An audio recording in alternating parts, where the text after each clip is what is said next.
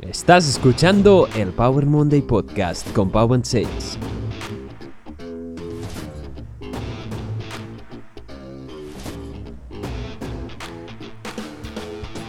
Bienvenidos a Power Monday Podcast, soy Pau, apasionada de fitness, nutrición y ciencia y por fin ya ha llegado el Power Monday Podcast, tu dosis semanal de motivación y conocimiento para empezar la semana con fuerzas, ganas y una gran sonrisa.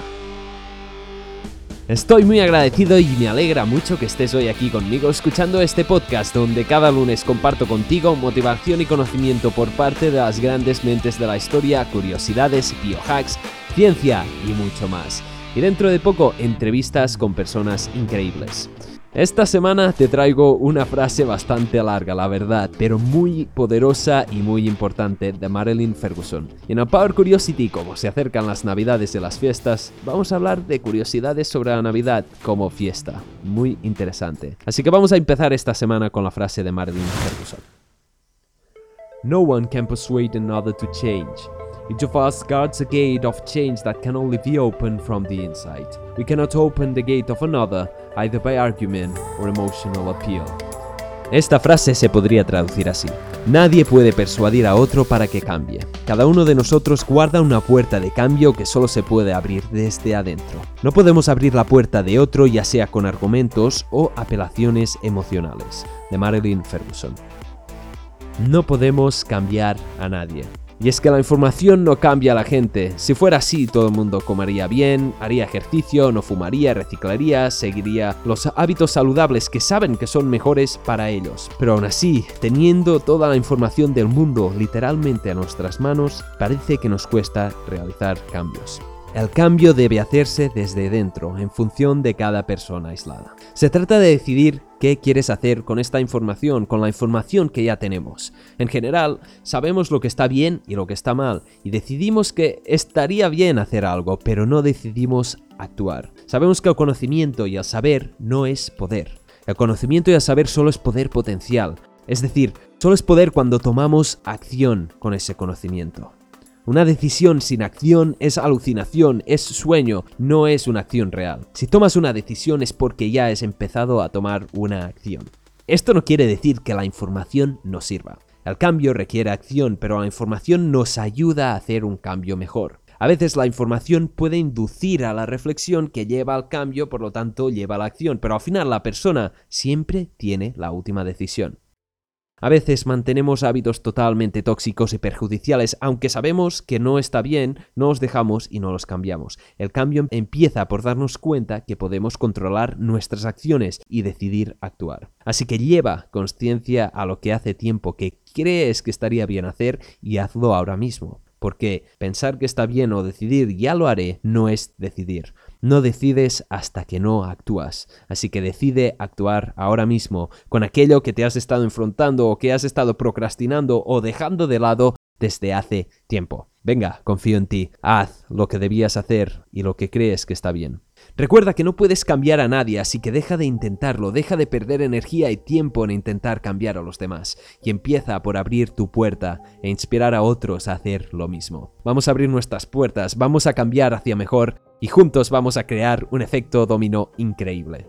¿Y qué se necesita para decidir abrir la puerta del cambio? Pues creer firmemente que eso es bueno para ti. Y cuando estés a punto de cambiar, de abrir esta puerta, te va a aparecer esa voz. La voz, el ego.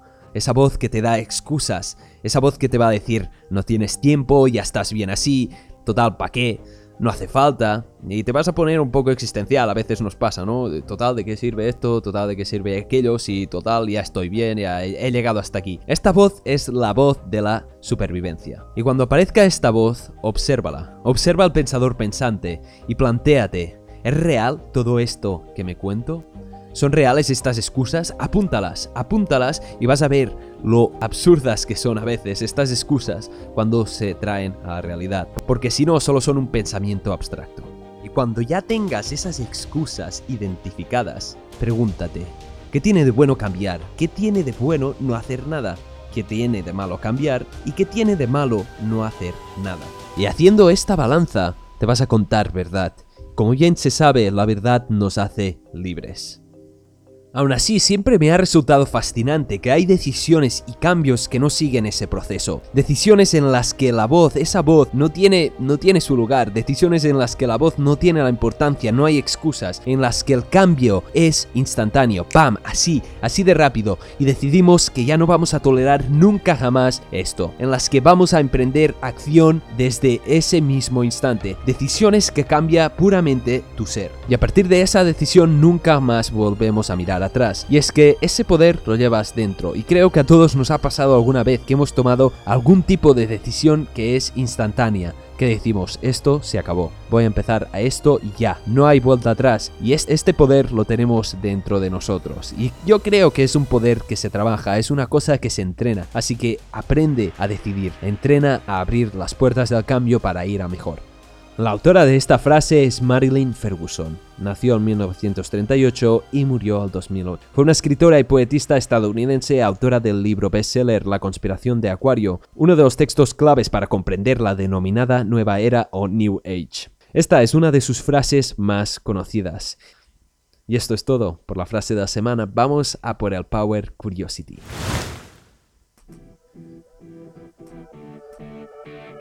El Power Curiosity de esta semana es el origen de la Navidad.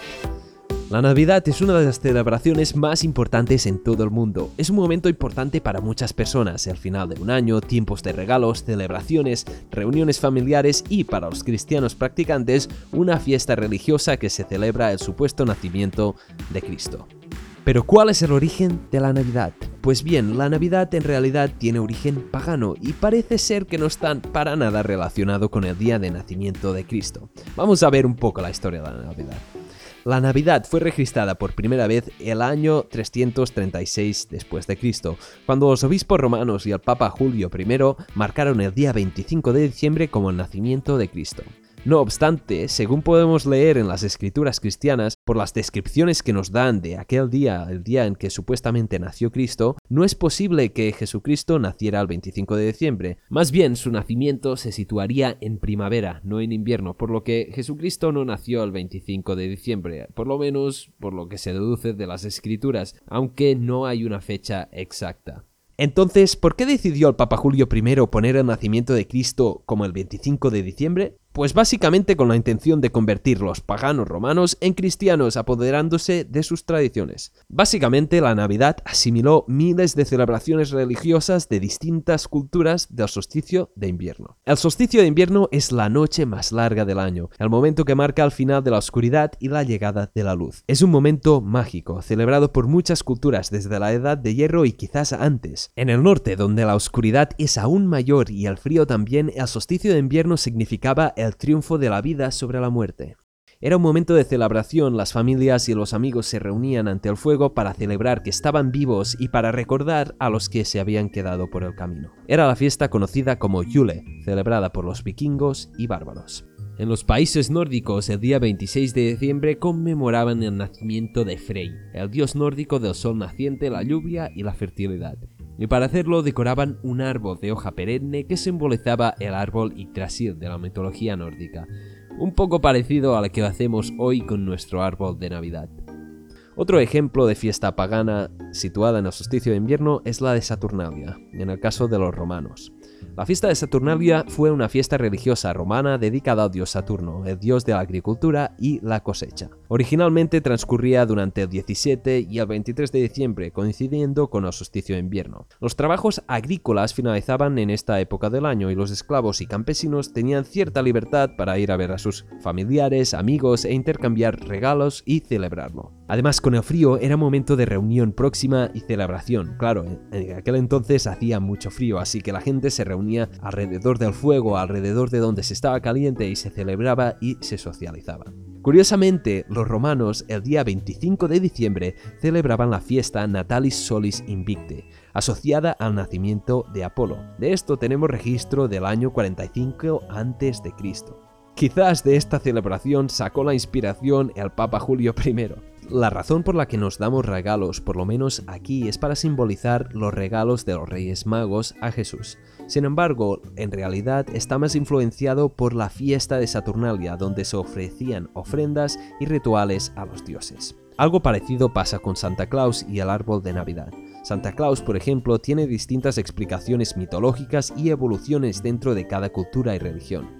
El árbol de Navidad también presenta cierto origen en las fiestas de Saturnalia y Yule y orígenes cristianos. La verdad es que nos podríamos pasar días y días hablando y buscando el origen real de cada celebración. Pero al fin y al cabo todas las religiones están plagadas de celebraciones con multitud de simbolismos. En realidad la Navidad es un mix de muchas celebraciones, un conjunto de festividades robadas o plagiadas y leyendas históricas que coinciden en el solsticio de invierno. Hoy en día siguen cambiando estas tradiciones, muy influenciadas por el marketing y el consumismo. Aún así, creo que celebrar el solsticio de invierno es muy buena excusa para estar con aquellos que amas, reencontrarte con familiares, pasar un buen tiempo y mostrar tu amor. Así que estas navidades regalan la mejor versión de ti a los demás. Espero que pases unas muy felices e increíbles navidades y que las puedas celebrar con los que amas y como más te guste a ti. Si te ha resultado interesante, te dejo un par de vídeos que analizan la historia de la Navidad más profundamente, como la historia del árbol de Navidad o la historia de Santa Claus, para que le eches un vistazo. Créeme que son muy curiosos. Y esto es todo para el Power Curiosity de esta semana. Muchísimas gracias por haber escuchado este episodio. Espero que hayas sacado mucho valor o hayas aprendido alguna cosa. Recuerda, si te ha gustado, compártelo, déjale algún me gusta, haz lo que quieras o lo que puedas, pero significaría mucho para mí que me enviaras un comentario, que me dejaras un me gusta o lo compartieras con tus amigos. Recuerda que tú tienes la llave de tu puerta del cambio que se llama acción. Y la Navidad quizás se base en fiestas paganas y sea un mix de muchas tradiciones, pero recuerda que es un buen momento para pasar con aquellos que más quieres. Te deseo unas grandes fiestas que las celebres como más te guste y una muy buena semana y buena entrada de año. Nos vemos en el próximo episodio.